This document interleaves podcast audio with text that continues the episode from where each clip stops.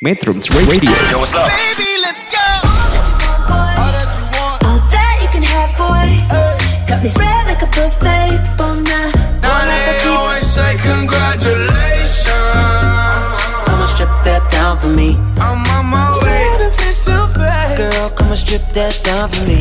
Yeah, yeah, yeah, yeah. Metrums Radio Media terintegrasi kaum muda Halo, assalamualaikum warahmatullahi wabarakatuh. Sahabat metronom, kembali lagi bersama saya Rizvi Adam Nurmansyah di Posa Podcast Santuy. Kali ini saya akan membawakan sebuah berita yang menyedihkan guys tentang saudara-saudara kita yang ada di Haiti.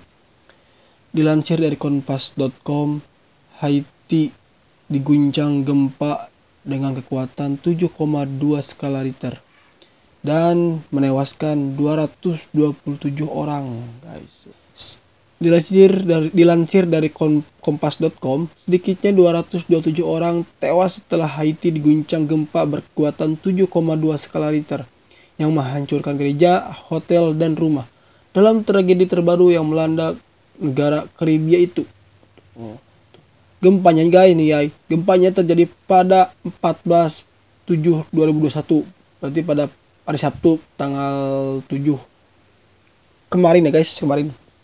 Yang melanda barat daya negara itu terjadi pada pukul 8.29 atau setengah 9 pagi guys. Kuatnya guncangan terasa di seluruh Karibia dan, dan menghidupkan kembali ketenangan menyakitkan dari gempa dahsyat 2010 yang menewaskan lebih dari 200 ribu orang. Hmm, guys. Kita harus mendoakan guys, semoga saudara-saudara kita yang ada di sana sehat-sehat selalu, selamat dari bencana ini, dan mereka semua dapat melewati cobaan ini dengan baik. Tuh, gempa tersebut memicu kepanikan di ibu kota Port-au-Prince yang sebagian besar diratakan oleh bencana pada 2000 2010. Analisis dari BMKG hasilnya ialah menunjukkan epicenter gempa ini terletak pada koordinat 73,44 derajat bujur barat dan 18,34 derajat lintang utara, tepatnya di darat pada jarak sekitar 12 km arah timur laut Saint Louis du Sud atau 126 km arah baratnya Port-au-Prince, ibu kota Haiti, dengan kedalaman hipocenter 10 km.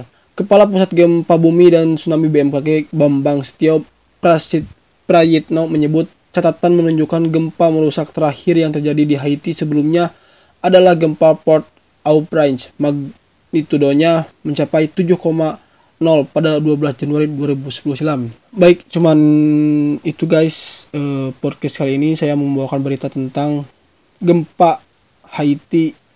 Semoga saudara-saudara kita di sana baik-baik saja guys dan bisa melewati semuanya dengan baik.